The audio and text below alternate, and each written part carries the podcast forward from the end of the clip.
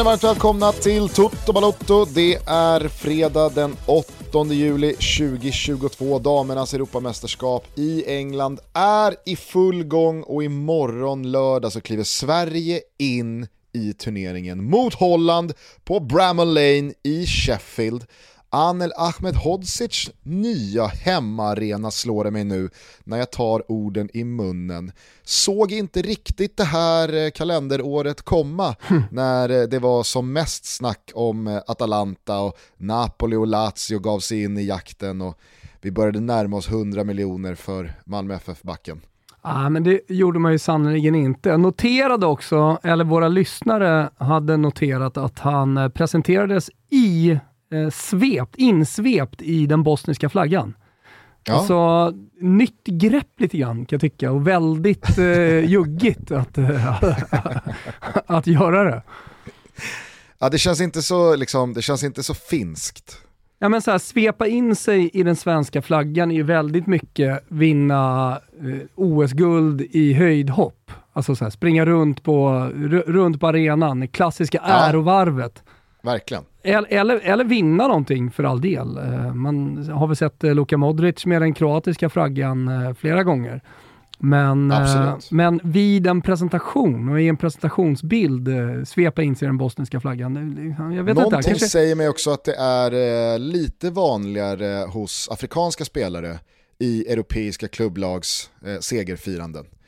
Mm. Jag kan se liksom en, en, en eh, röd, grön, gul senegalesisk flagga eh, när, eh, när eh, till exempel då Liverpool vunnit eh, Champions League och Sadio Mané tar sitt varv. Ser man inte också Mohamed Salah med Egypten-flaggan runt midjan? Jo, men det gör man. Det, det, Egypten är ju väldigt mycket midja, kan jag känna också. Det, sättet du har på just Egypten känner jag. Det, det är, eh, det är knytaren. De blir mer som en, som en särk liksom. Ja, som en särk. Det blir mer, det blir mer ett plagg. Eh, precis, jag tycker att det är lite snyggt också nästan. Jag blev lite sugen på att svepa in mig ja. i någon slags flagga. Kanske blir gnägget. Men du är inne på att vi, eh, att vi eh, liksom kanske kikar lite på en tunn is här. Det finns ju liksom rasistiska undertoner i den här diskussionen, för det är väldigt många svenskar, ja, ja men alltså, kanske inte i din och min diskussion här och nu, men i just den här diskussionen om att eh, personer väljer att hylla eh, sitt hemland eller det land som ens föräldrar härstammar ifrån eller kommer ifrån och så vidare och så vidare här i Sverige brukar ju oftast kritiseras ganska öppet och i min värld då eh, generellt av personer med ah, ganska så många rasistiska undertoner i sig. Du vet ju vad jag pratar om, eh, kanske i synnerhet då när det kommer till studenten här i, i, i Stockholm. Alltså det, det det, det, är ju, det är ju liksom en, en klassisk eh, fluga som dyker upp en vecka, två veckor när det är studentperiod i Sverige och i Stockholm då på Twitter. Att det är så jävla många Sverigevänner som avskyr att eh, det, det, sitter studenter med eh, den eh, iranska flaggan eller den turkiska flaggan. Man ska minsann hylla landet som har betalat deras skolgång och som nu eh, eh, är liksom anledningen till att de har fått en hel utbildning. Ja, men du, du vet vad jag pratar om. Därför var det så jävla uppfriskande att se, fan jag skulle vilja credda henne för den tweeten. Men jag såg en tweet igår från en tjej som hade uppmärksammat att Gabriel Landeskog, lagkapten i Colorado Avalanche, eh, valde att lyfta bucklan på det stora firandet i, det är väl Denver, eller är det, är, Colorado är stan. Någonstans där borta i, eh, i Denver, USA. Colorado pratar du om Gusten. Ja, exakt. Just mm. det. Jag antar att de var i Denver. Ja. Eh, men eh, när de då står och firar bucklan så står ju Landeskog där eh, som lagkapten med den svenska fanan. Mm. Och eh, väljer ju liksom att ja, men, lyfta sitt ursprung och vilja fira med, med den flaggan representerad. Och så, så formulerade hon tweeten någonting i stil med att uppenbart ironiskt att alltså, va, vad gör den svenska flaggan där? Vad fan, det är väl på sin plats att eh, du ska lyfta Colorado som har försett dig med lön och tak över huvudet. Jag tyckte det var, det var, det var eh, fiffigt. Fiffigt ja. och fyndigt. Just tak över huvudet känns ju också starkt att prata om när det gäller eh, NHL-stjärnor. För draft, eh, jag var ju på, eh, på, jag var ju inne i eh, SVTs morgonstudio i morse. Och eh, precis innan eh, jag klev in och skulle prata om Sveriges premiär imorgon med Dusan så pratades det just om NHL-draft och svenskar som hade valts och, och sådär. Eh, och Dorsan är ju mycket hockey. Jag märkte ju på honom eh, i vårt samtal eh, att han ville leda in det lite på hockey, för han har ju varit med i Hockeytoto tidigare också. Ja, ja. Eh, men eh, alltså, fick in en liten, eh, en liten hockeyreferens där. Han hade tydligen spelat hockey med Johanna Rytting Kaneryds farsa någon gång. Det kom med i surret om damernas premiär. Då förstår du hur man vill liksom armbåga in hockeyn. Därför, då förstår man att det är, det är liksom nya nivåer på icebreakers. Ja, nej, men exakt. Annars var det lite bra surr, fan kan jag tycka från mig. Jag, det var länge sedan jag gjorde TV. Har ju blivit lite av ett Ja, jag, jag, såg, jag, såg inte, jag såg inte din, eh, din, din spot. Uh, jag såg bara att uh, Björn Jonsson, vår gemensamma goda vän, var väldigt till sig i vår gemensamma WhatsApp-grupp. Wilbur på SVT! Ja. Utropstecken. Ja, men det, det är ju sen någonstans var det, liksom... Sen, sen, var det inte så mycket mer. Nej, jag vet. Det var, det var inte så mycket mer. Men, men, men, det är väl lite, just SVT-miljön är väl eh, så långt ifrån Toto Balutto-miljön man kan komma. Eh, med tanke på dels då det kommersiella i Toto Balutto, eh, som, som ser till att vi går, eh, går framåt och har just tak över huvudet Gugge. Men, mm. men kanske också lite tonen ibland. Jag pratade med någon studiovärdinna där innan om att ta in, jag, jag hade en take away-mugg kaffe och då sa hon att går du in med den där, då får vi tusentals eh, mail till SVT om att eh, vi eh, inte värnar om miljön och har take away-muggar och sådär. Hon eh, vet ju inte vilken triggerknapp hon kittlar där. Nej, exakt. Alltså, det, det, det är inte svårt att kuppa in saker i en sin roll kan säga till dig är, om du skulle göra så här, du vet då hade det blivit ett jävla liv.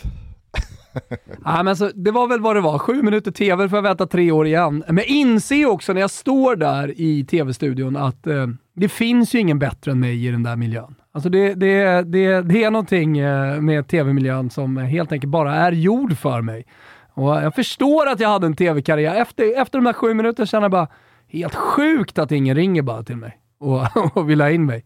Men det kanske är eh, eh, mina bravader i, i, på sociala medier som gör att jag aldrig kommer sitta i en tv-studio permanent framåt.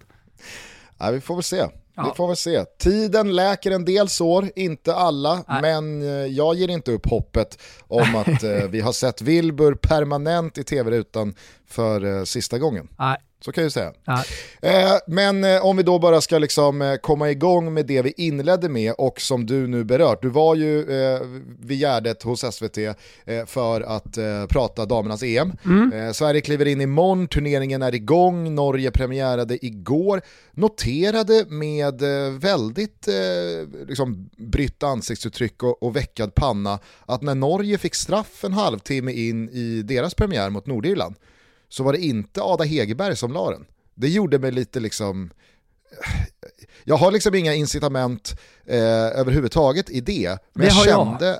att jag irriterade mig på den norska förbundskaptenen. Ja, nej men det, det har jag. Ada Hegerberg hade ju jättemånga chanser och lägen att göra mål. Den stora stjärnan, en av EMs största stjärnor. Speciellt nu när Potea, Spaniens eh, mm. målskytt och, och Ballon d'Or-vinnare, eh, drog korsbandet med en vecka kvar. Eh, men eh, Ada Hegerberg har vi... Inte ens en vecka, det var tre dagar. Ja, men det kanske, ja precis. Eh, men däremot så har ju vi spelat eh, Ada Hegerberg... Vad har som... vi för klassiska skador kort ja, in men... på mästerskapspremiärer? Jag tänker ju direkt på Patrik Bjärred Andersson inför VM-premiären 2002. Är det då eh, Teddy Lukic kliver in? Han inte kom till spel. Nej, nej. Det är Andreas Andy Jakobsson. Ja, såklart. Alltså, trotjänaren. Tänk om vi hade haft honom Kliver nu i Prime. Ja, oh, herregud. Ja, det, det hade räckt Nej, men det, det, det, Han var ju någonstans ansiktet utåt för den uppsjö av klassmittbackar som Sverige satt på för 20 år sedan. Alltså in från ingenstans kliver Andreas Jakobsson, då var han väl i Hansa Rostock. Alltså det var ju inte speciellt många som hade koll på honom. Men det var ju också liksom innan, här, ska jag säga Gusten, som eh, tysk fotboll blev 4-2-3-1 sexy och det var dit man skulle åka. Alltså på den tiden så var ju Bundesliga lite som när Martin Dahlin spelade där. Någonting man max ja, ja. rapporterade om på just SVT. Eh, när en svensk Sen har väl vi, eh, vi har väl gjort ett eh, avsnitt Never Forget om just när Hansa Rostock hade sex svenskar i startelvan. Alltså mer än hälften av spelarna i ett tyskt lag var eh, svenskar. Också ett starkt och, och, avsnitt, eh, Never Forget, man kan gå tillbaka till. Jag är jävligt stolt över vårt eh, bibliotek på Spotify med, med avsnitt Never Forget. Ja, men jag skulle bara säga det att där och då, jag var inte speciellt gammal, men jag upplevde ju det där mer som ett jippo än som ett seriöst liksom, försök att nå toppen av Bundesliga. Vem har ens sex svenskar i start? Det kändes ju som liksom en PR-gimmick. Ska vi inte ta två svenskar? svenskar heller. Nej, nej precis. Alltså det, Andreas Jakobsson, Peter Wibron, Peter eh, Marcus Albeck. Eh, nej, men det, alltså, Jo, visst, det, det var ju fina spelare, men det, det, kändes ju som att två av dem var där enkom för att de var svenskar, för att man på ett kul sätt skulle liksom så här, nu bygger vi en enorm svensk koloni här. Vi är Hansan, vi har liksom den historien med, med Sverige och jag, jag vet inte fan. Men Andreas Jakobsson klev in då i alla fall, VM 2002, var, det är väl ingen överdrift att säga att han där och då spelar liksom ett mittbackspel som är det är på en topp 10-nivå i, i, i Han världen. var otrolig. Han var otrolig. Och så hade han två år av eh, mittbackspel på den absolut högsta nivån, eh, given i landslaget och sen så bara försvann han i samband med EM 2004. Mm. Och vad gör han idag? Det vet ju våra lyssnare. Framförallt så vill jag minnas att han är ingift i vår gode vän, men som försvunnit lite från radarn, eh, Jakob Gustafsson. Alltså Jens Gustafssons lillebror, eh, stor Roma-supporter, stor Twitter-profil en gång i tiden. Lagt ner eh, Exakt. Han har lagt ner, han har bott utomlands länge. Eh, jag och han åkte på en del eh, Roma-matcher tillsammans. Stor romanista. Eh, som en av få utbölingar välkomnad in i liksom de hårdaste ultrasgrupperna i eh, den södra kurvan på Olympico. Eh, han och Jens då, jag tror att Andreas Jakobsson är gift med deras syrra. Smalt här, kan jag känna. ja, verkligen. Vi var. Men, vi, vi, vi var ungefär ju på skadorna. Som Dushans, ungefär som Dushans liksom inledningsfras till dig. Exakt. Eh, Toto Balutto.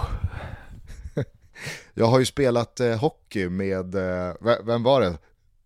Eh, Johanna Rytting Kaneryds eh, farsa.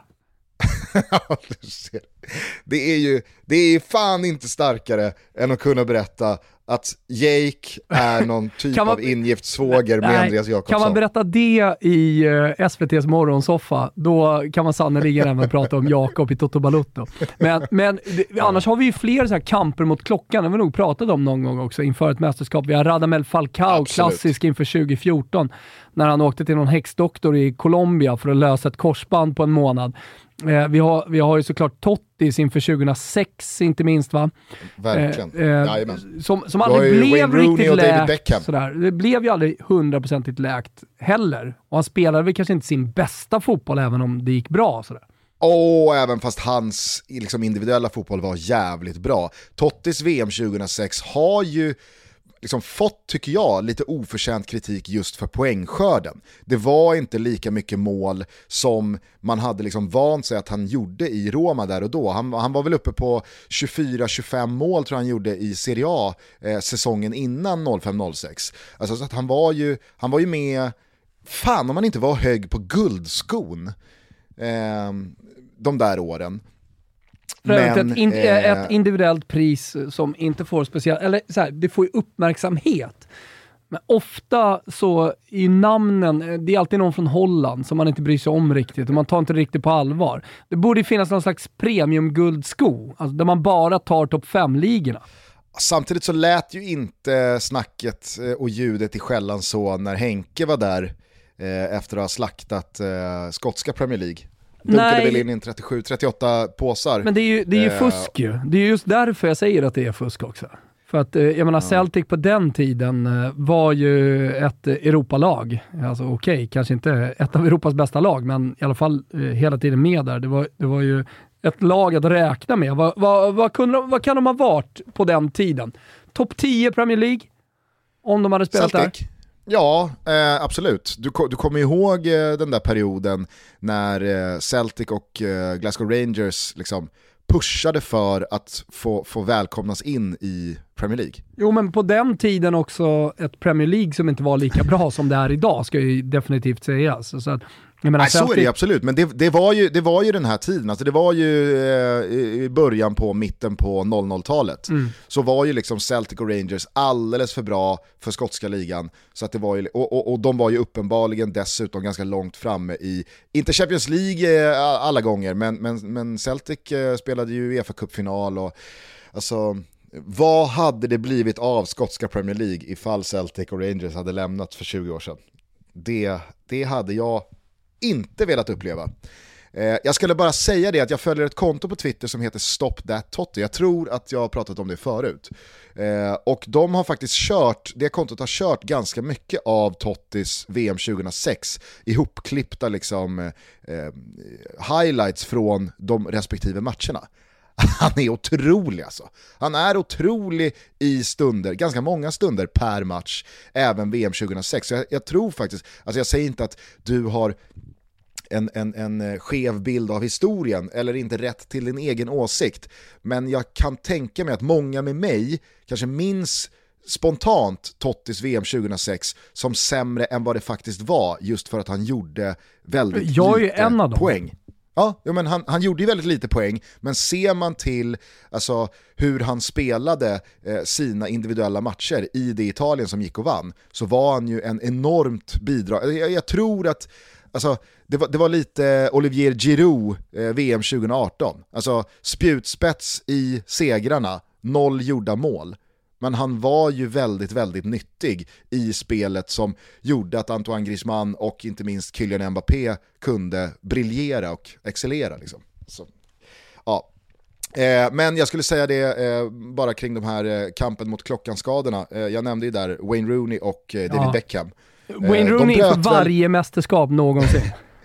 Ja, men, och, och, och det exceptionella med just de två var ju att de två mästerskap i följd de bröt ju samma lilla mellanben i foten, om du kommer ihåg. Ja, jag vet exakt vilket mellanben det är på grafik. alltså, det, det, det, det, har eh, varit uppslag eh, kring det där mellanbenet på många spelare. Men eh, ja, annars så vet jag inte riktigt vilka spelare som dyker upp så här spontant. Men inte ens Falcaos häxdoktor kunde ju hjälpa Potejas. Hade vi, hade när, vi inte... När, när, när, hon drar korsbandet tre dagar innan. Nej, nej, sannerligen inte. Det var högst tragiskt och jättetråkigt. Men hade vi inte någon kamp mot klockan på Zlatan i något av mästerskapen? Var det inför VM 2006 så körde han ju, då hade han ju strul med ljumskarna. Ja, exakt. Jag bara för mig att eh, alltså, sista mästerskapet med Erik Hamrén 2016 inför Frankrike där, jag för mig att det var någonting som var struligt. Men eh, kanske inte så pass struligt att det, att det någon gång på riktigt var hotat. Nej.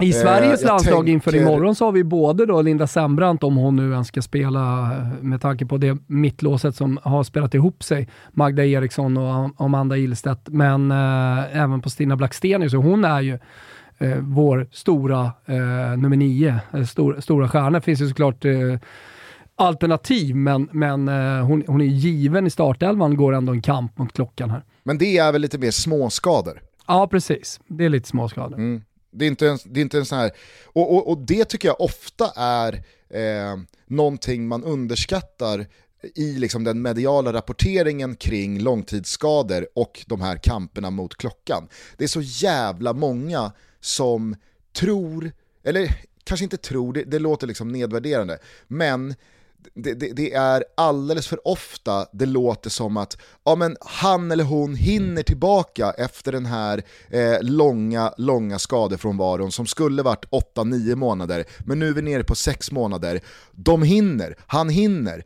Ja, fast... Say hello to a new era of mental health care. Cerebral is here to help you achieve your mental wellness goals with professional therapy and medication management support. 100% online. You'll experience the all new Cerebral Way, an innovative approach to mental wellness designed around you. You'll get a personalized treatment plan from a therapist, prescriber, or both in a safe and judgment free space. Your cerebral therapist or prescriber will outline a customized plan with clear milestones along the way so you can get to feeling your best. With Cerebral, you're not alone in your mental health journey. We're here to empower you to live a fulfilling life. So take that first step towards a brighter future and sign up today at cerebral.com slash podcast and use code ACasts to get 15% off your first month. Offer only valid on monthly plans. Other exclusions may apply. Offer ends July 31st, 2024. See site for details. Hey, I'm Ryan Reynolds. At Mint Mobile, we like to do the opposite of what Big Wireless does. They charge you a lot, we charge you a little. So naturally, when they announced they'd be raising their prices due to inflation, we decided to deflate our prices due to not hating you.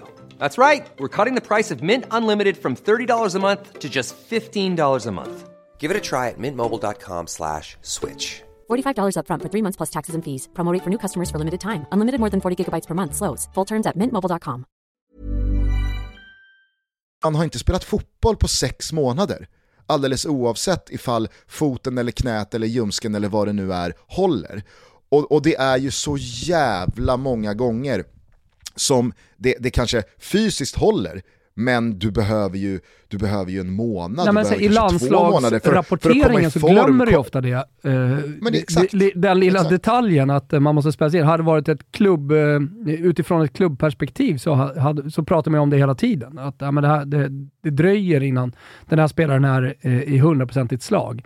Hitta tempo och allting sånt där. Men vad det gäller de här två spelarna i svenska landslaget, hur som helst inför imorgon, så har ju båda spelat. Utan det har ju bara hänt under eh, uppladdningarna inför, inför EM. Ja precis, Nej, men jag, jag, jag- menade mer Bara var de här tydlig med längre eh, konvalescenserna. Där, där, där tenderar det oftast att vara så liksom simpelt analyserat om att jaha, men eh, han är tillbaka, ja men då så, då är det bara att trycka på knappen. Ja men precis. Eh, Det, det, det blir lite skevt, speciellt inför mästerskap såklart, när man ska in de stora stjärnorna och de viktiga spelarna. Terve, terve, terve! Här är eh, Toto Blotto tillsammans med K-Rauta, våra goda vänner. Visste ni att det var målartider? Det är alltid målartider i juli. Jag håller på att måla för fullt och jag ska faktiskt erkänna det. Jag har tagit lite hjälp från Kanalplans måleri. Men all min färg, ja den köper jag på K-Rauta för jag tycker att det är så otroligt smidigt. När jag säger målartider, ja men då är det såklart måla om fasaden, men också inomhus. Eller varför inte bara sätta sig ute i trädgården och måla om lite utemöbler? Ja men med en stråhatt sådär lite mysigt. Just nu är det 20% på all färg från Beckers för alla K-Rauta Plus-medlemmar. Alla redskap du behöver, alla stegar, penslar, skrapor och så vidare finns på K-Rauta. Min gode poddkollega ska till exempel måla om fasaden. Det ska bli kul att följa. Om inte annat eh, så är det viktigt att idag gå in och bli medlem i K-Rautas kundklubb för att ta del av alla dessa fantastiska erbjudanden. Jag vet att det är många som saknar den så här femstegen. Nu finns en från Werner för 599 kronor bara. Det är alltså 15% rabatt, bara en sån sak. Vi säger stort tack Kitos till K-Rauta för färgveckorna som rullar och för att ni är så fantastiska. Eh, Potejas är i alla fall out, ett hårt slag för eh, det favorittippade Spanien eh, som kliver in i turneringen ikväll mot eh, Finland. Norge igång igår och jag fick inte din eh, take, jag avbröt dig, eh, så att det, det är inte ditt fel på att man inte lät Ada Hegerberg slå straffen. Jag blev så jävla provocerad av det. Varför vill man inte ha igång sin stora målskytt? Exakt. Eh, Jag pratade med pappa innan. Han hade ju såklart varit inne och ryggat våra rublar. De med högt odds, sa han inför mästerskapet. Och eh, Ada Hegerberg som eh, eh, skyttedrottning eh, stod ju ganska högt i odds. Jag tror uppåt eh, 25 gånger pengarna eller någonting sånt där. Och det, när Potejas var out så kändes det som ett drömspel. Och så möter man då ett eh, svagt Nordirland och man fullständigt pulveriserar dem. Ada Hegerberg med många chanser, någon sån här mirakelräddning av Maguer eh, på hennes skott. Och, ja, men hon får liksom inte in bollen, hon är bra, hon serverar och sånt där. Men så kommer straffen. Bra, nu ska hon vara igång. Hon ska bara, hon ska bara sätta den här. Och så kliver eh, Hansen in och tar den. Som för övrigt, Ja. en liten spaning, hon heter Caroline eh, Hansen. Hon heter, hon heter Graham också. jag, jag, jag vet att man vill säga Graham, men eh, de säger själva Caroline Graham Hansen. Och hon kör då Graham på tröjan, bara. Mhm. Så om du ser hela namnet, Caroline Graham Hansen, så, så tänker du ju att hon heter Caroline Hansen. Men på tröjan står det Graham. Eh, Och det är spaningen. det, alltså, eftersom hon klev fram och skulle slå den där Putsa straffen. kikarsiktet du. Ja, men oj, oj, eftersom- oj. Vet vet du vad? Eh, Förstår ofta, att SVT hur ofta ser du liksom, eh, något slags mellannamn på en tröja? Jag tycker ändå att det är en, en spaning som håller med tanke på hur svaga spaningar som har liksom, skickats ut efter 25 minuter i Toto Balotto här. Men eh, eh, det, det, Hon då... har kört en omvänd Len Leonard Jägerskiöld Nilsson. Ja, Alltså- ex, exakt. Som valde att framhäva Nilsson och eh, då förkorta Jägerskiöld som är liksom Ja. namnet här eh, med bara ett J. Han körde Leonard J Nilsson. Ja, exakt. Också otroligt såklart. Men eh, nej, vi pratade ju om eh, eh, Ada Hegerberg. Hon går Ja. från den här matchen. Hon hade kunnat stängt den där skytteligan. Det hade kunnat varit klart efter den här matchen. Och hon kliver alltså Ja. från matchen med noll mål gjorda. Men när jag ändå är inne liksom på rublar och pratar om det, finns ju fortfarande rublar att rygga. Hela EM är ju inte igång. Sverige imorgon till exempel, då går man in på Betsson.com, kikar där. De som inte har hakat på i resultattipset, gör det. Resultattipset.se, man tippar hela mästerskapet. Det gör ju inget, man har missat två dagar. Och för er som eh, vill vara med och rygga en allsvensk trippel inför helgen så har vi såklart tagit fram en sån. Båda lagen gör mål i Elfsborg-Gnaget, båda, båda lagen gör mål i Hammarby-Göteborg. Djurgården vinner mot Helsingprutt. Och man får 5,75 i odds eh, för den trippen. Tänk på, både vad det gäller rublar och, och tripplar, alla spel måste man vara 18 år. Och stödlinjen.se finns om man har problem med spel. Det var ju kul innan du fortsatte bara att eh, Betsson limmade Jonny eh, förra veckan. Ja, Eftersom han tryckte i vår Toto-trippel flera gånger. Mm. Till slut så liksom började väl alarmklockorna ringa där borta på Regeringsgatan. Eh, och nu då att han är på eh, vissa eh, rublar och så vidare. Jag tänker bara, ska vi inte slå fast smeknamnet Jonny Limmad? ja den är fin. Ja, men det är roliga att nu... att det finns något liksom så här, det, det finns något eh, mitten på 1900-talet över det. Ja, Ja, där har vi Jonny Limmad. exakt. Nej, men vi- Varför kallas han det? Han är, han är limmad på Betsson. Ja, John Lindman. Eh, Men pa pappa heter ju egentligen jo eh, Josef Johannes Wilbacher eh, och Johannes var hans tilltalsnamn tills han på 70-talet då valde artistnamnet när han kom till Sverige och skulle köpa en elorgel, Jonny. Tyckte han var lite coolare. Och sen dess har liksom alla system, han har aldrig officiellt bytt, eh, skickat in till Skatteverket och så. Men du vet, 50 år i Sverige, ja då, Ja. då det, det gör någonting med liksom alla system. Så att, eh, det är det jag säger, tid- myndighetspost säger ju Jonny Wilbacher. Tidens tand, det är det jag säger. Vad hade du bytt i. till om du hade flyttat till eh, Frankrike eller Italien nu och du hade fått ta ett, liksom ett namn som, som är annorlunda? Nu har ju du ett artistiskt namn, visserligen Gusten, men vad hade du tagit? Mm. Ja, inte fan hade man tagit eh, Nilsson i alla fall. Nej, Han hade varit närmare Jägerskiöld. absolut. Nej, men eh, det- det jag menar är bara att det här är ju ett superexempel på vad tidens tand kan göra med saker och ting. Så att om du bara hänger i så kommer ju de här bravaderna på sociala medier, de kommer ju ha fejdats ut så pass mycket att one of these days, Det beror ju, då är du vet tillbaka, du vad Gusten? du tillbaka det, beror, i soffan. det beror ju på vad som händer framåt va? Ja, jo visst. Men låt dig inspireras av Johnny Limmad. Ja, jag ska göra det. Det, det är nya inspirationen. Ja, Ada Hegerberg står i alla fall på noll mål här efter första matchen mot Nordirland där man skulle liksom få igång målskyttet och det fick man ju eftersom man vann med, med, med 4-1.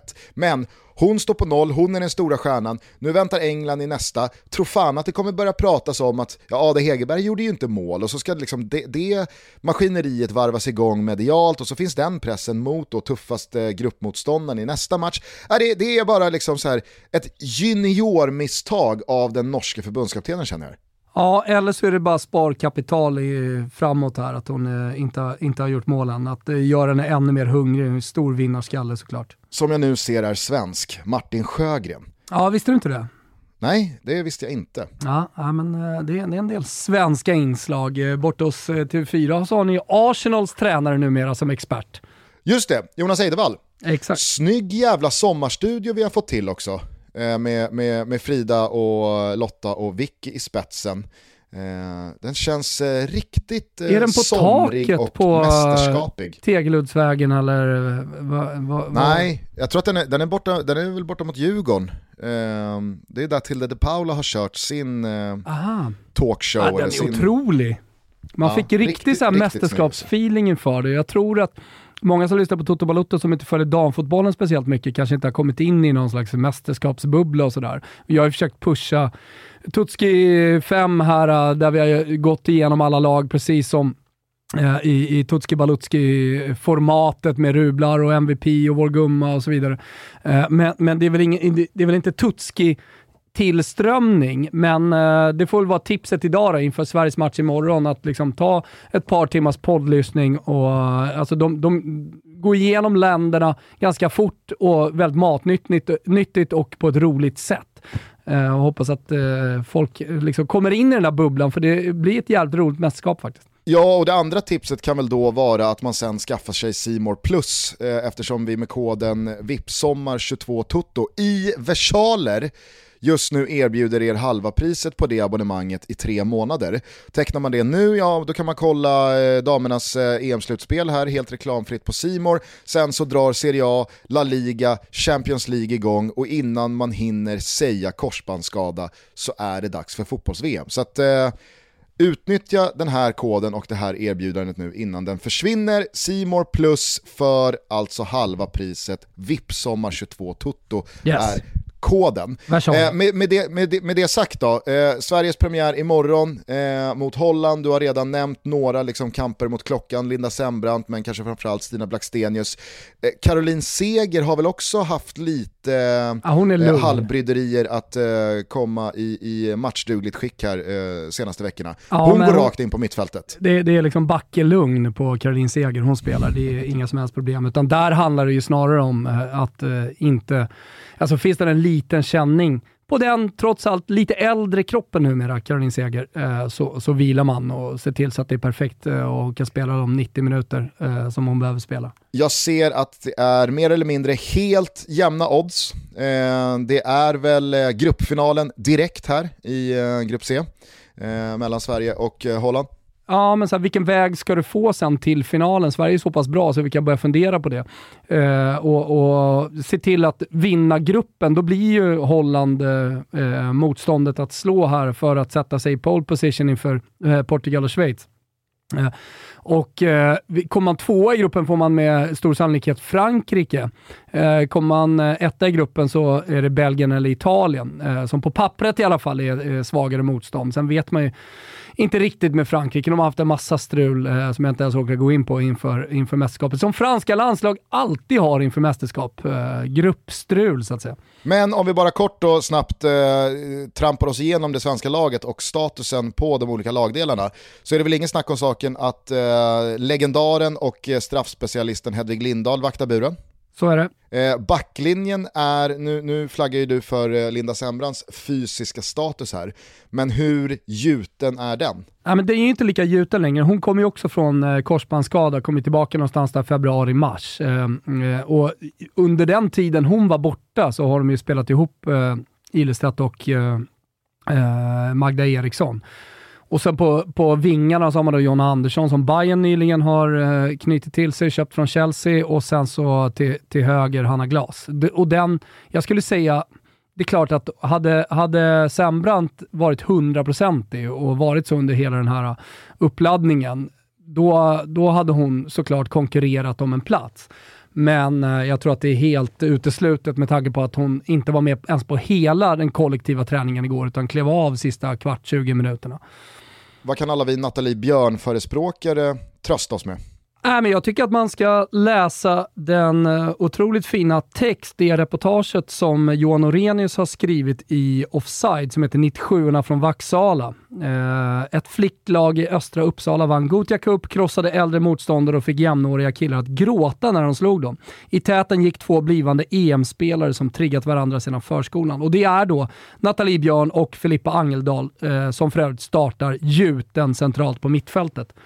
Eh, så det, det, är en fin läsning kanske då om man eh, är Nathalie Björn-förespråkare. Okej, okay, men det, det, är, det är noll, noll chans att eh, Gerhardsson startar med Nathalie Björn i backlinjen? Ja, det ska jag säga. Okay. Alltså noll chans eh, är väl aldrig, men, eh, men eh, jo, nej, hon startar inte. Filippa Angeldal och då lagkapten Caroline Seger centralt. Mm. Vad händer runt dem då? Ja, men, eh, vi, har ju, vi har ju faktiskt en Barcelona-stjärna i det här landslaget, för de som har missat det, i Fridolina Rolfö. Som var jätte, ja, alltid, eller senaste åren har varit jättebra och jätteviktig för det svenska landslaget. Man har varit en stor stjärna, man har förstått att hon ska bli en av världens bästa. Men under det senaste året så har de spelat i världens bästa klubblag. Visst, de fick torsk mot Lyon i Champions League-finalen, men det spelar ingen roll. Barcelona är bara bäst. Eh, och eh, har haft en gjuten plats i den startelvan är ju megastjärna inför, uh, inför EM, en av de stora stjärnorna. Alltså pratar vi om uh, Ada Hegerberg och Poteas och dem, så är Fridolina Rolfö för mig liksom den offensiva spelaren i Sverige som, eh, ja, men som, som, som gör målen när matcher står och väger. Hon spelar ute till vänster då i, i, i en anfallsfyra Eh, med eh, Blackstenius som hon kan spela, annars eh, Hurtig och bakom henne i trekvartista-rollen Kosaslani och sen till höger då är det faktiskt det enda lilla balotaggiot i det här laget. Vem ska egentligen starta?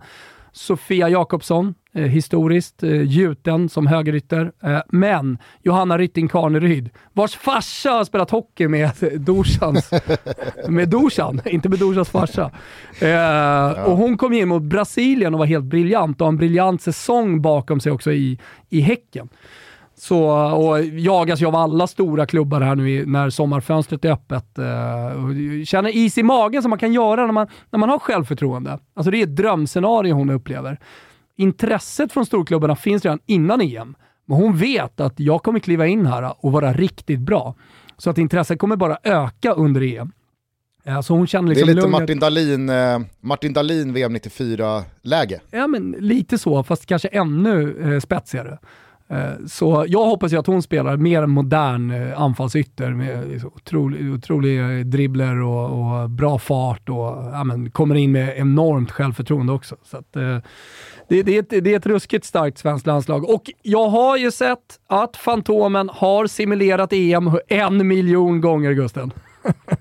ja. Och du vet vad som hände när han simulerade EM en miljon gånger? Eh, nej, jag har missat eh, det resultatet. Ja, men då vinner ju Sverige typ en kvarts miljon. Så att, eh, enligt hans simuleringar så är Sverige favoriter, även om de på Betsson inte är oddsfavoriter. Eh, de är en av fem, eh, skulle jag säga, Sverige. Så att, eh, det... Men det snackade vi om där för en eh, vecka, tio dagar sedan, att det är ett oerhört jämnt mästerskap rent eh, förhandsoddsmässigt. Ja, men så är det. Så är det verkligen. Nej, men så det, det, det blir skarpt läge direkt mot Holland imorgon. 21.00 börjar matchen imorgon lördag. Jag misstänker att eh, Frida Nordstrand drar igång sändningen en timme innan 20.00. Men på tal om då Fantomens simulering där med en miljon eh, mästerskap spelade och ett utfall på eh, svenska segrar så skulle jag bara vilja liksom hux flux kasta mig till en schnitzel. Mm -hmm. eh, som jag skulle vilja dela ut. Spännande. Eh, och den går till eh, IFK Göteborgs nya chefscout Stig Torbjörnsen. Stickan. Eh, jag, jag, noterade på Twitter att du också verkade ha sett, det kanske var i WhatsApp, vi pratade lite kort om det. Eh, du, du, såg också den intervju han gjorde i eh, Discoverys allsvenska halvtidsstudio eh, på Gamla Ullevi eh, i, i, måndags eh, i matchen mellan eh, Blåvitt och Degen. Exakt. För övrigt jävla klass, eh, klassinsats av Marcus Berg. Eh, två chanser, pang pang, 2-0, ingen snack om saken, tillbaka från skada. Blåvitt, tre raka segrar igen. Stare tutar i en hel stad att vad fan, jo vi ska nog kunna, vi ska nog kunna ta rygg på den här guldstriden ändå. Ja. Eh, det kan de. Men för er då som inte eh, vare sig såg det här eller känner till Stig Torbjörnsen så är det här en norsk herre Såg väl ut att kunna vara, han pushar väl 55-60? Han pojkaktigt utseende, vilket gör att eh, det blir så svårdefinierat eh, med åldern där. Ja, precis. Eh, han har ju då eh, länge varit i eh, Norrköping här nyligen. Och säga vad man vill om Norrköping, men alltså, så länge Peter Hunt satt som eh, kapten på det skeppet så var det ju väldigt mycket Peter Hunt som tog det mediala utrymmet. Och då kan man säga vad man vill om alla försäljningar som gjordes för hur många miljoner som helst och att man gick eh, eh, eh, liksom väldigt eh, fina säsonger efter säsonger eh, rent sportsligt. Det, det, det, det, blev ju så med alltså dels eh, att Jan Andersson först tog klubben till ett SM-guld och sen lämnade och blev förbundskapten och sen med de spelarna man hade på plan och att Jens Gustafsson var där på tal, alltså Andreas Andy Jakobssons ingifta svåger. Om jag då har fått de här familjerelationerna rätt.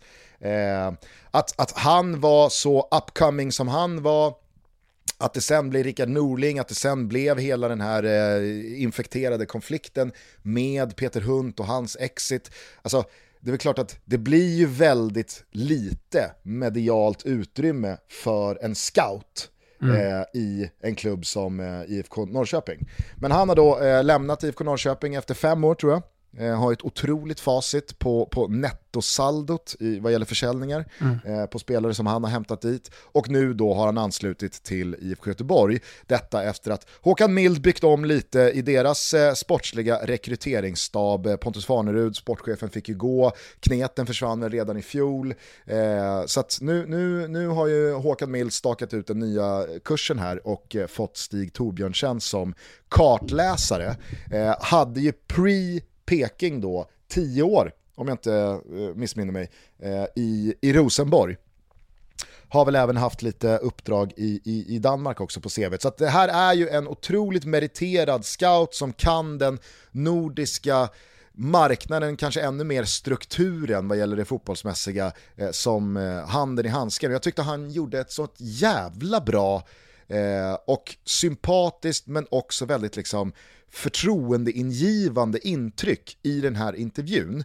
Eh, jag ska komma till snitsen, men håller du med mig om det initialt? Ja, det gjorde han sannerligen. Eh, och med, med stor pondus och med eh, stort självförtroende eh, märkte man också hur man ska bedriva eh, yrket som, som han ändå har. Och när han pratade om liksom, nordiska spelare, han pratade om hur, strategier för svenska, norska lag, eh, hur han liksom, eh, valde att fokusera på vissa länder. Och, nej men jag tycker överlag så gav han ett otroligt bra intryck. Eh, jag har mm. ju bara läst hans namn, förstått att han är otroligt bra, men eh, inte sett honom i de här sammanhangen tidigare. Nej, Nej och, och, som vi har plussat för eh, tidigare vad gäller Discoverys eh, allsvenska bevakning så tror jag att den här intervjun finns att se eh, utklippt i deras Twitterflöde här från i måndags. Vi kan väl retweeta den från, från vårt konto om folk har problem att hitta den. Men då i alla fall så skulle jag vilja lyfta två saker han pratar om i den här intervjun.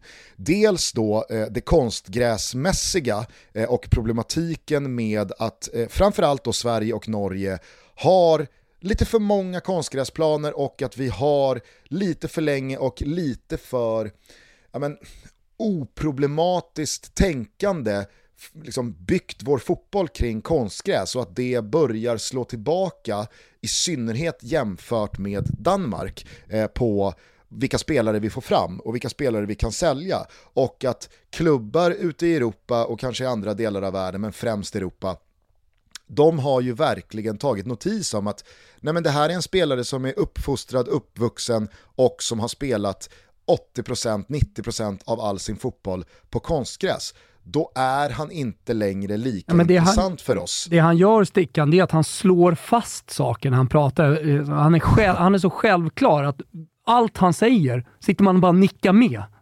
du Ja. vet den typen av personer, alldeles oavsett vad de pratar om, så är man jaha, ja okej, ja det är så. Och bland Mm. annat då så, så slår han fast att eh, vi, vi fostrar för många konstgrässpelare och eh, det finns, eh, man kan verkligen definiera spelare som konstgrässpelare eller naturgrässpelare.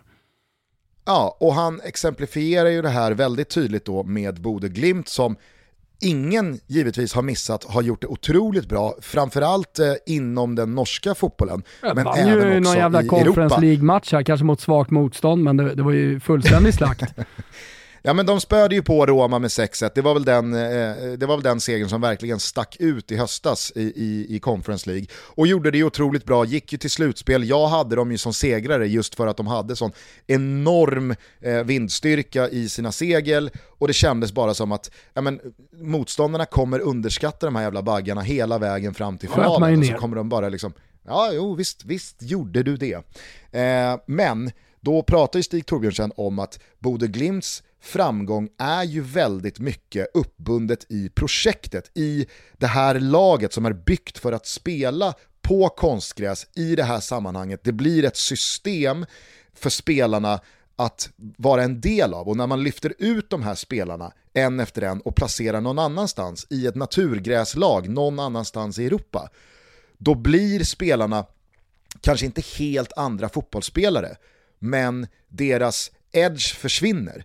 Eh, De, de blir inte längre perfekt passande pusselbitar i ett sammanhang, utan det finns ju väldigt många exempel på det här. Och, och även fast han inte sa det konkret, så jag fick ju lite liksom Östersunds-vibbar, ganska så konkreta sådana. Det fanns ju spelare i Graham Potters Östersund som på jämtkraft och som på naturgräs kunde se ut som alltså, Ja, men så här europeiska Europa- bra Europa, spelare. Europa League-spelare. Mm.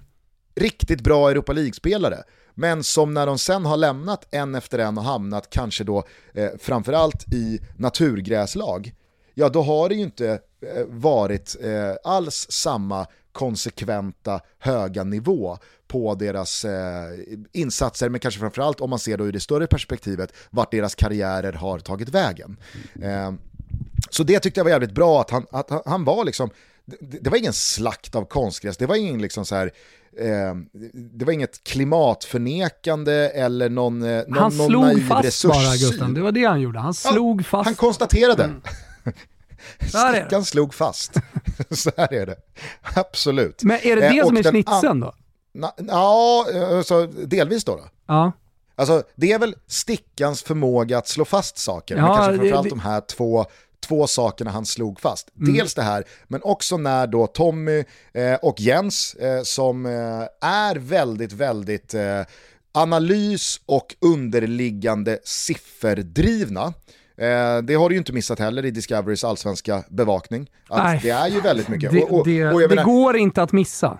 Nej, och, eh, och där är ju vi också, alltså på Simor pratar jag nu, eh, i synnerhet då tillsammans med Fantomen och Fotbollslabbet. Eh, sen, så, sen så försöker ju vi kanske mer avgränsa eh, de delarna till just Fotbollslabbet, till Ola, till att han får liksom Ni komma med de här siffrorna. paketerar det på ett annat sätt. Lite så. Eh, men men i, i, i de allsvenska sändningarna så är det ju väldigt mycket konsekvent. Liksom. Så här ser eh, tabellen ut vad gäller eh, gjord, gjorda mål på fasta situationer och det här är eh, hur många avslut man har haft i sista tredjedelen och det här är expected goals-tabell. Eh, det är ju det är väldigt mycket underliggande siffror. Och då blev ju den här eh, diskussionspunkten då eh, således mellan Jens och Tommy och då Stig Torbjörnsen jävligt, jävligt intressant för att jag är den första att tycka att de underliggande siffrorna och hela liksom XG-världen är otroligt spännande. Men att det fortfarande är svårt att dra korrekta, rimliga och nyttiga gränser för vad som är någonting och vad som faktiskt bara blir luddigt och svårbegripligt och att man gör hönor av fjädrar. Det är jättesvårt det där. Eh, men eh, när Stig Torbjörnsen då kommer in från andra hållet och nästan är liksom så här, det där är inte min kopp te överhuvudtaget. Ja, men han Och pratar ju till exempel så- om att så här, hur, hur följer du spelare, hur hittar du spelare? Det finns ju många verktyg idag, bortom liksom statistik och det du pratar om. Eh, så finns det Y-scout och andra eh, tekniska Mm. plattformar där du kan scouta spelare. När han pratar om, nej men framförallt så reser jag. Jag måste Exakt. se dem live och, och, och eh, han avfärdade ju helt liksom, att värva spelare baserat på statistik. Utan eh, han pratar ju snarare om yrket eh, som eh, ett hantverk. Och eh, jag Exakt. vet ju många av de klassiska bästa sportcheferna, de, de reser mycket. Eh, och även om de inte kan resa själv så har de ett scoutingnätverk där man har eh, anställda som är på plats i de här olika länderna som man förtror sig till och som man då kan fatta beslut eh, från deras scoutingrapporter. Det tyckte jag från hans sida kanske var det mest intressanta och det mest uppfriskande.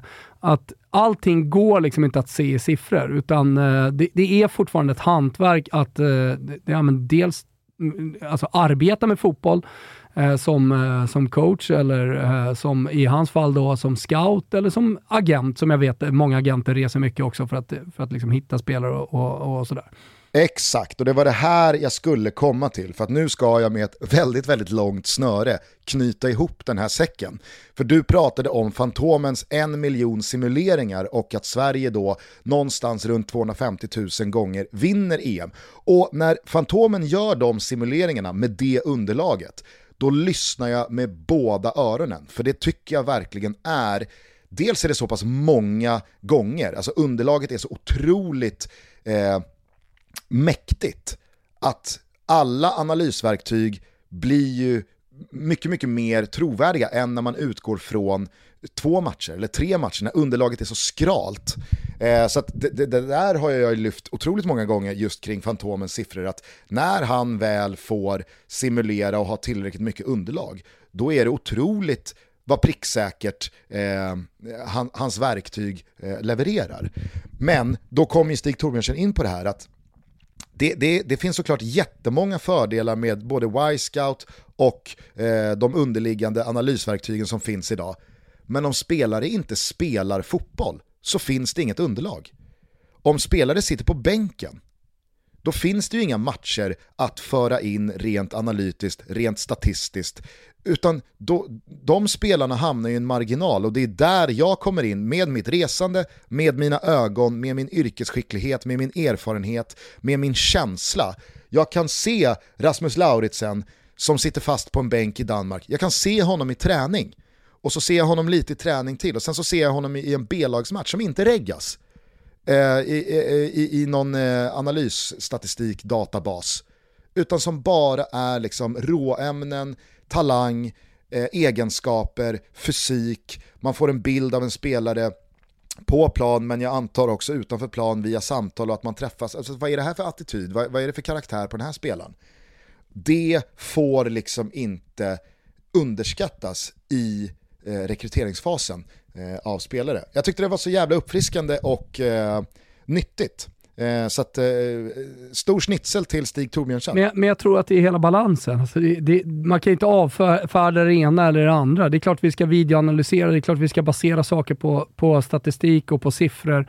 Eh, men, vi får inte glömma bort hantverket i det. Och det, det pratas ju väldigt lite om idag. Därför tyckte jag att det var en, uppfriskande intervju och att eh, det fortfarande finns folk inom, inom fotbollen som inte sitter och ser allting på skärmar och eh, fattar beslut utifrån det. Lystring, lystring! Toto Brott är precis lika glada och stolta som vanligt över att vara sponsrade av Circle K. Varför då då, kanske någon av er undrar? Jo, men de flesta som lyssnar på den här podden vet ju hur ofta jag är på Circle K. Va? Det tankas lite, det laddas lite och det äts någon god korv. Och så snackar man lite allsvensk toppstrid med personalen såklart. Men hur härligt det än må vara så känns det ännu bättre att när man är på Circle K så vet jag att de aktivt och ständigt jobbar för att vi på så enkelt vis som möjligt ska kunna göra hållbara val på väg mot framtiden. Circle K är ledande på förnybara drivmedel och eftersom allt fler byter till elbil så bygger de i detta nu ut sitt nät av ultrasnabba laddplatser. Alla som har elbil, ja de vet vad jag snackar om. Detta är viktigt. Och dessutom är var fjärde liter var fjärde liter som tankas hos Circle K helt förnybar. Så låt Circle K hjälpa er att tillsammans göra mer hållbara val utan att vi tappar farten på väg mot framtiden. Ah, vi ställer oss i givakt och säger stort tack till Circle K för att ni är med och möjliggör Toto Balutto. Vi eh, ska börja runda av, men utöver eh, Stig Torbjörnsen snack och eh, e EM-snack så måste vi givetvis bara ta pulsen på silly season av idag 8 juli. Fönstret är ju öppet eh, och det är en hel del stora elefanter som både kommer och ska röra på sig. Jag vet inte vad det senaste som du har fastnat för är. Ja, men vi pratade ju om det i måndags, eh, varpå jag kanske lite avfärdade eller i alla fall raljerade kring övergången. Men, men nu verkar det stå klart att Fiorentina värvar Luka Jovic permanent. Eh, han ska presenteras mm. nu om han inte redan har gjort det. Eh, framförallt eh, när ni hör det här så, så är han Fiorentina-spelare, tar tröja nummer sju från Cajon och eh, kliver in som i Fiorentina-mått mätt i alla fall en, en stor jävla stjärna. Och det tycker jag är väldigt kul. Eh, såklart. Alltså nummer nio-typerna i, i, i Fiorentina, alltså den tröjan, även om det är nummer sju här, men ni fattar vad jag menar. Så, så eh, finns, finns det en historia där med Locatoni, med uh, Battistuta och så vidare och så vidare. Nu nämnde jag kanske de två största. Uh, som har gjort det väldigt bra. Och sen så är det intressant med de här spelarna eh, som har försvunnit på en bänk. Jag menar, Luka Jovic har haft Benzema framför sig eh, och sen vet jag att många Real Madrid-supportrar är liksom, ja, men, inte hatiska mot honom, men, men eh, de är glada i alla fall att han försvinner nu. För när han har fått chansen mm. i Real så har han inte levererat. Och det var en misslyckad värvning, kostade väldigt mycket pengar. Så att, eh, ja, men, ett misstag av Real Madrid kan man definitivt prata om. Men å andra sidan så finns det ju många av oss som har sett liksom, eh, Luka Jovic där på bänken under de här åren i Real Madrid och tyck, tyckte att det var lite tråkigt. Det finns ju många sådana spelare som försvinner i de här stora klubbarna, eh, som har presterat tidigare, som man önskar se mer av, som man vet har ett stor, stort fotbollsspel i sig. Eh, och, och, det har jag faktiskt, så här, bortom Fiorentina, känt lite med Luka Jovic. Fan alltså, om inte han ska hamna i någon klubb snart och, och, och, och spela bra fotboll igen och synd att världen inte får se honom lite grann sådär. Eh, nu kanske lite st väl stora ord om, om eh, Luka Jovic, men eh, sett till det han gjorde i Bundesliga, Europa League 18-19 till exempel, han bombade in kassar. Alltså, fanns ju en anledning till att Real Madrid ville ha honom och att han kommer att få vara den stora stjärnan, få vara den stora anfallsstjärnan. Eh, inte i ett topp-topplag, men kanske i den miljön han ska vara i också nu kanske värvningen av Luka Jovic stänger ner de där ryktena, men jag läste i morse att Fiorentina även anmält intresse kring eh, Edinson Cavani. Ja, det skulle ju vara som någon slags ersättare. Alltså man har ju Cabral sen tidigare. Eh, den brassen verkar ju dock eh, inte vara the real deal i den här miljön. Får vi se vad som händer. Men det ser så jävla stol- styltig ut liksom, när han springer runt. Skulle Cavani komma, då blir ju han tvivelsutan den stora stjärnan. Ja, men på tal om liksom misslyckade värvningar och felbeslut, alltså Kokorin är ju kvar med ett lönekontrakt, eh, ganska fett sådant, i Fiorentina. Har ju såklart inga som helst planer på att eh, flytta för att få spela fotboll i sista hand liksom. Ja, eh, men bara på tal om den där eh, Cavani-eventuella transfern då, så, så, läste jag ju Pavlidis eh, headline-svep som är tillbaka den här veckan, ah, otroligt härligt. glädjande. Att Monza verkar vara i pole position där, om det nu är så att Cavani ska tillbaka till Serie A. Nej, men Galliani är helt galen. Med, med eh, Palermo och eh, Napoli. Men det hade ju varit en ruskig jävla eh, håll käften-värvning för Serie A-nykomlingen Monza att landa Cavani. Alltså snacka om, snacka om att flexa musklerna med det man har eh, när man då kliver in ja, men den är också i, helt rimlig. första omgången. Den är helt rimlig. Alltså med tanke på hur mycket de har spenderat för att ta sig till Serie A. Alltså det är otroliga siffror eh, om, man, om man ser Serie B-mått mätt eh, som, som Monza liksom stoltserar med. Han har ju varvat ihop i stort sett ett helt nytt lag, men Stefano Sensi och eh, Pessina centralt. Alltså det, det är ju spelare som eh, ja, uppenbarligen liksom, några av de bästa lagen i Serie A har velat haft. Kranjo mellan stolparna, Ranocchia är där. Eh, Birindelli som det har pratats om mycket nu, kanske inte det är största namnet att surra om här, men alltså nu har man ju då Gytskär och eh, Mota Carvalho på topp. Det ska ju såklart spetsas också. Så det är Monza som kliver in och är så här, nej men topp 12 när, eh, när Serie A ska börja. Men du, på tal om Luka Jovic då till Fiorentina, du såg eh, premiärmotståndet första matchen? Eh, vilka var det nu då? 14 augusti 18.30 på Franki så eh, premiärar Fio mot Cremonese. Ja, det är Cremona alltså, som, som dyker på besök. Det är på min födelsedag luktar det inte, Luktar det inte hattrick Luka Jovic? Det, det, skulle definitivt inte förvåna mig. Och kollar man då på Cremoneses eh, kontra Monza som kommer upp från eh, Serie B så är det inte riktigt eh, den typen av dignitet på värv, värvningarna vad det gäller Cremonese. Det, det känns ju som att de kliver upp och får åka ner igen. Men eh, du, nu tycker jag verkligen att Luka Jovic till Fiorentina behöver bli officiellt och presenterat innan vi pratar om det igen. Nah, det är, eh, det, jag tror att det är det när, när vi, alltså, jag ser här nu att han själv liksom skriver på sociala medier, eller eh, hintar ja, om vi, att det är klart. Det är en läkarundersökning som görs as we speak. Typ vi sätter i alla fall Luka Jovic till Fiorentina i ett eventuellt utvisningsbås rent poddmässigt. Ah, ja, För där har vi hamnat ett par gånger här senaste veckorna. Låt oss istället ta ett steg upp på, på stegen, för det finns ju lite större pusselbitar som också rör på sig. Eh, Mattis Delicht, på tal om eh, stora spelare som kanske har fått ett litet hack i kurvan men som alla är övertygade om kommer eh, växa ut till eh, den, eh, en av dem eh, riktigt, riktigt stora mittbackarna. Verkar ju lämna Juventus, det har pratats väldigt mycket Chelsea, men nu eh, så ser Bayern München ut att kliva in här och eh, göra sitt anspråk på eh, den nederländske mittbacksbjässen. Det hade ju varit en jävla värvning att fylla på med efter Sadio Mané. Ja, det hade det verkligen varit. Eh, alltså, jag tror att, eh, också att han passar ganska bra i, i Bayern München. Alltså, sett till den spelartypen han är så har det inte riktigt funkat i Juventus. Eh, sen nu handlar det ju väldigt mycket om att få tillbaka pengar man har spenderat för honom.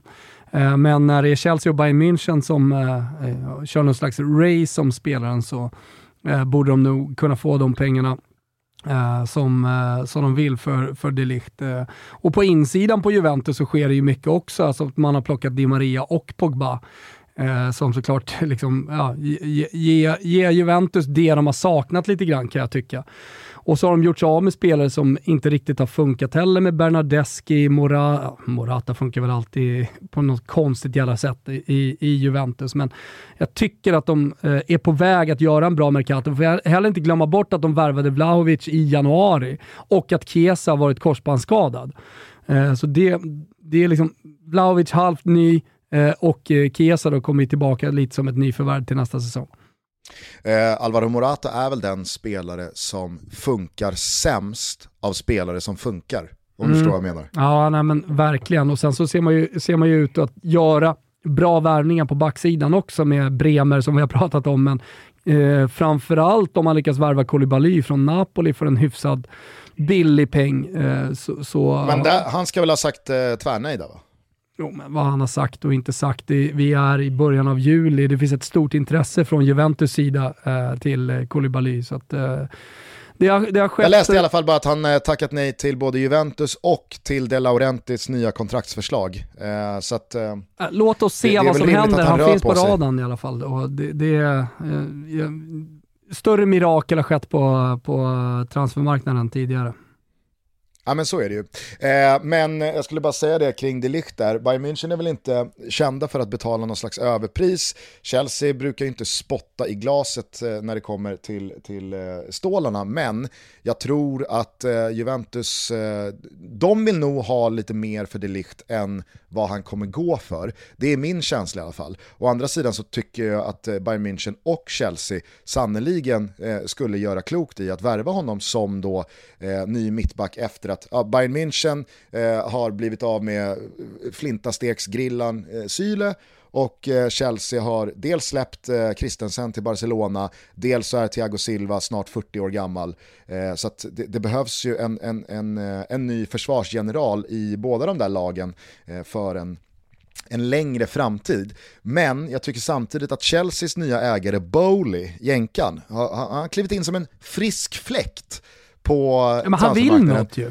Jo men och, och vet, du vad, vet du vilken detalj jag gillar mycket med Bowley? Som jag hatade för 6-7 år sedan, för det var alldeles för mycket av sånt. Det kanske är 10 år sedan, jag vet inte. Men det har ju mer och mer försvunnit. Men för 10 år sedan så var det ju extremt populärt att slänga in spelare som delar av övergångssummor. Just det.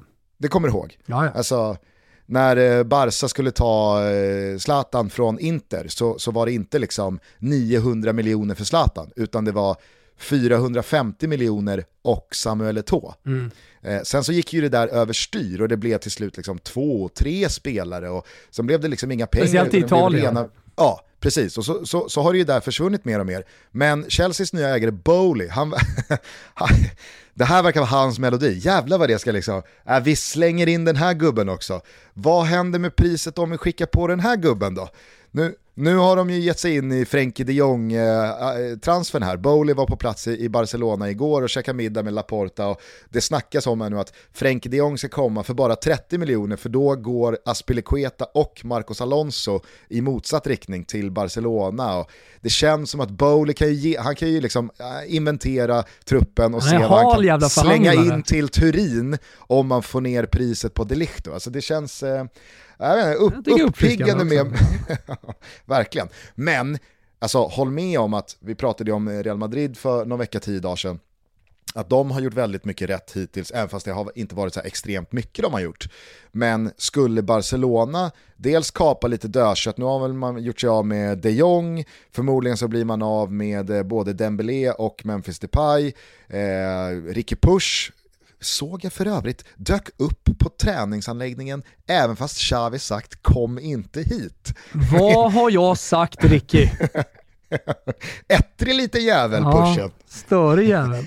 Nej, nej, nej, nej, nej, jag ska träna. Nej, det ska du inte. Jo, jo, jag ska träna. Eh, nej, men, eh, man, man bantar truppen lite. Man har redan plockat in Frank Kessie, man har plockat in Andreas Christensen. Skulle man då få in Cesar Azpilicueta och Marcos Alonso som nyttiga, användbara allround-spelare på kanterna centralt i de olika typerna av formationer, alltså trebackslinje, fyrbackslinje, fembackslinje, alltså rutinerade spanjorer. Nej, jag vet inte, jag tycker att det är, jag tycker att det är många, många bitar som eh, börjar falla på plats i, i Chavis eh, renovering av det där laget. Och, och kan man på det för 30-40 miljoner euro lösa Lewandowski här i det slaget han är, för att han känns jävligt hungrig eh, på alla sätt och vis med tanke på hur han har liksom, pratat och eh, agerat gentemot Bayern München här. Så, äh, nej men äh, jag, jag, jag, jag noterar med äh, tillförsikt det Xavi, Laporta och Barcelona gör. Mm. Ja, men det är mycket så här som flyger förbi en. Eh, det är ju mindre lag som gör värvningar. Jag bara eh, noterade här, jag vet inte om eh, Pavlidis hade med det i sitt headline, men att Radonjic, som har skrivit på för Torino, gärna vill bli kallad NR7. Alltså enligt han själv. För hans stora idol är då CR7, Cristiano Ronaldo.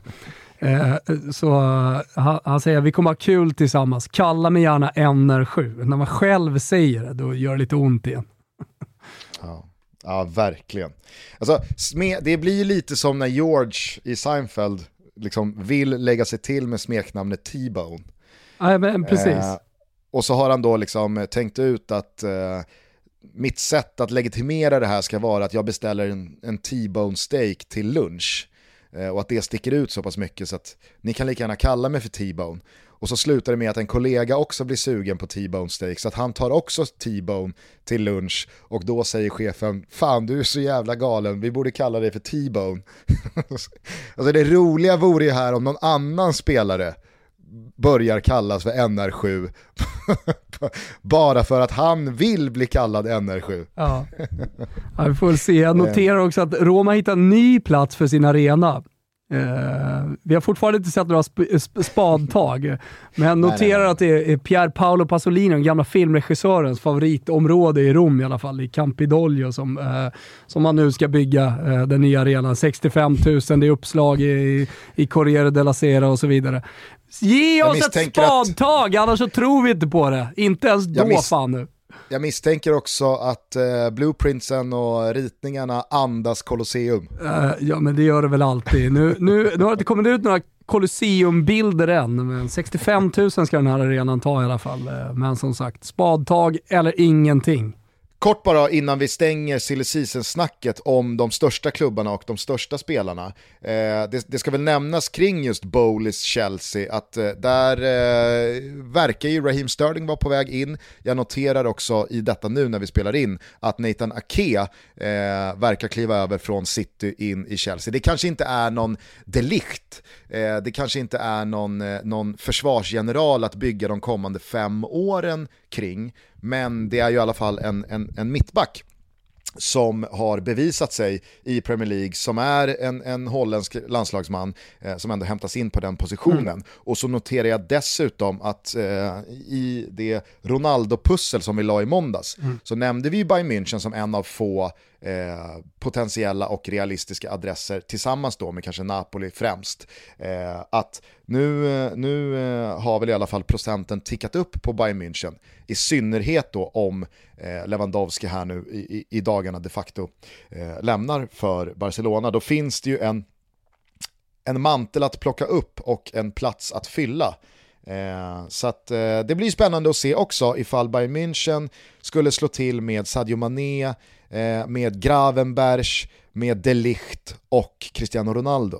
Det, det är ett hyfsat fönster. Ja, det är det, är det sannerligen. Se om de eh, kan vinna den där Champions League som de så gärna vill till slut också. Då. Eh, men eh, den, den, står väl det, är väl... det är väl det han ska göra, Nagelsmann, för att bli så stor som sina tyska kollegor.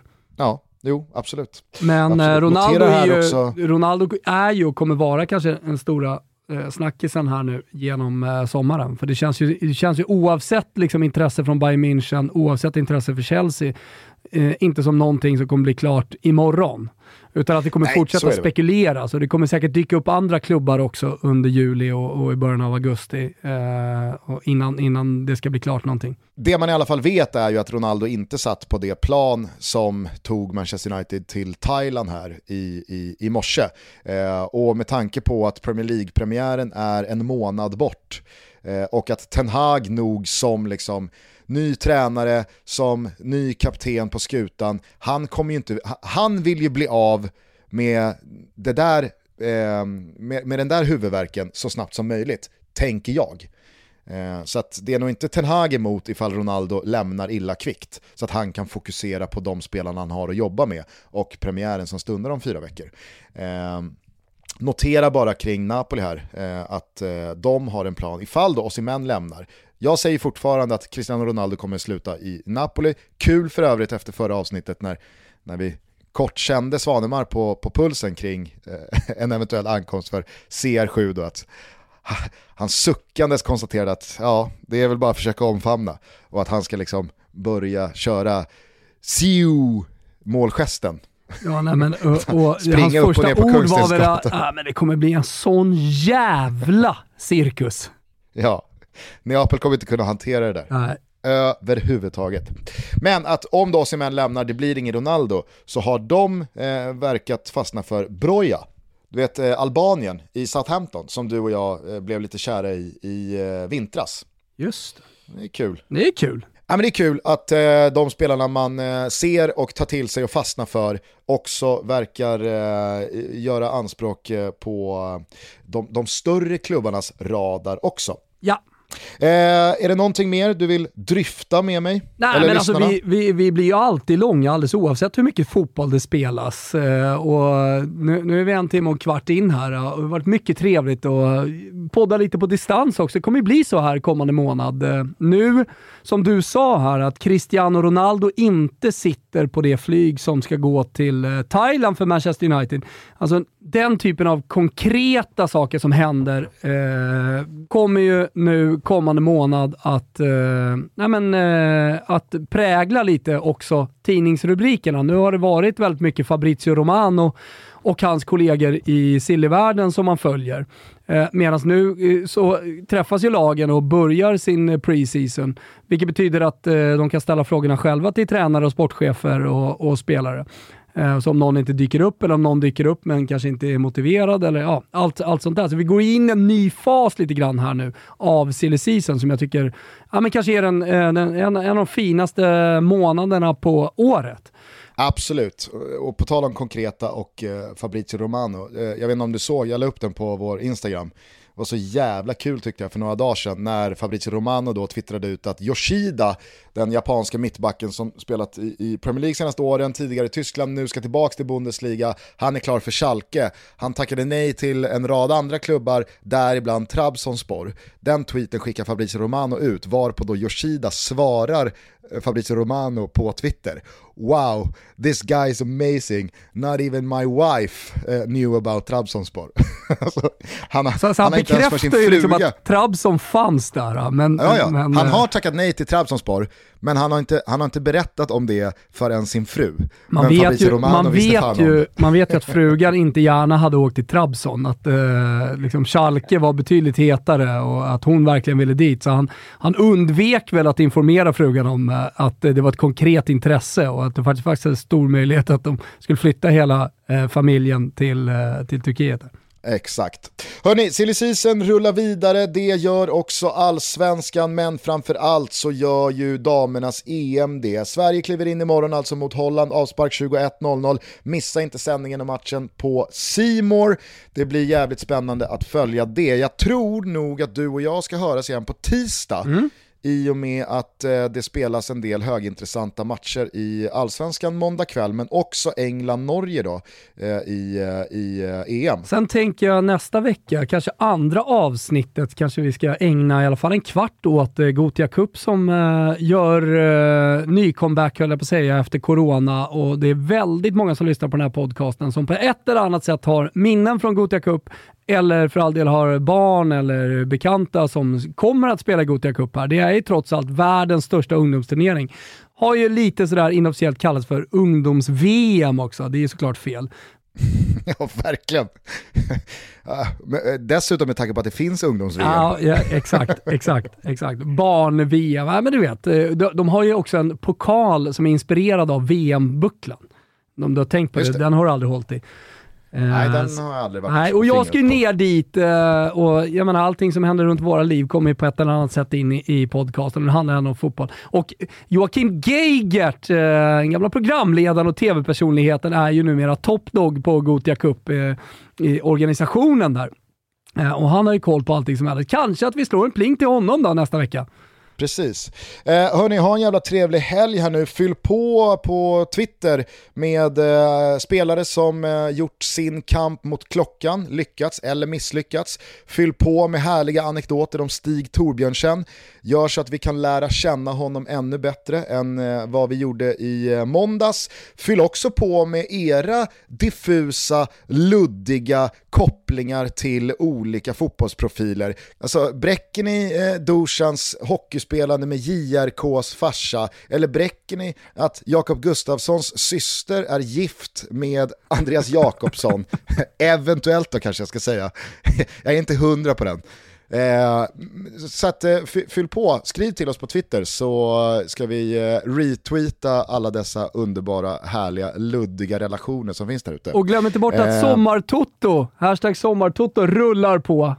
Skicka in några bilder på hur ni har det nu på sommaren. Kan man inte, kan man inte kombinera det där då? Ta en härlig bild, eh, fyll på med er mest luddiga och diffusa relation till någon fotbollsprofil och hashtagga sommartoto. Ja, det är bra har man någonting det... att göra. exakt, exakt. Eh, så hörs vi igen på tisdag då. Ja men det gör vi. Ha det så bra alla. Underbart. Eh, ciao tutti. Ciao tutti. There was a time when I was so hearted Love wasn't much of a friend of mine. The tables have turned, yeah me and them ways have parted That kind of love was the killing kind.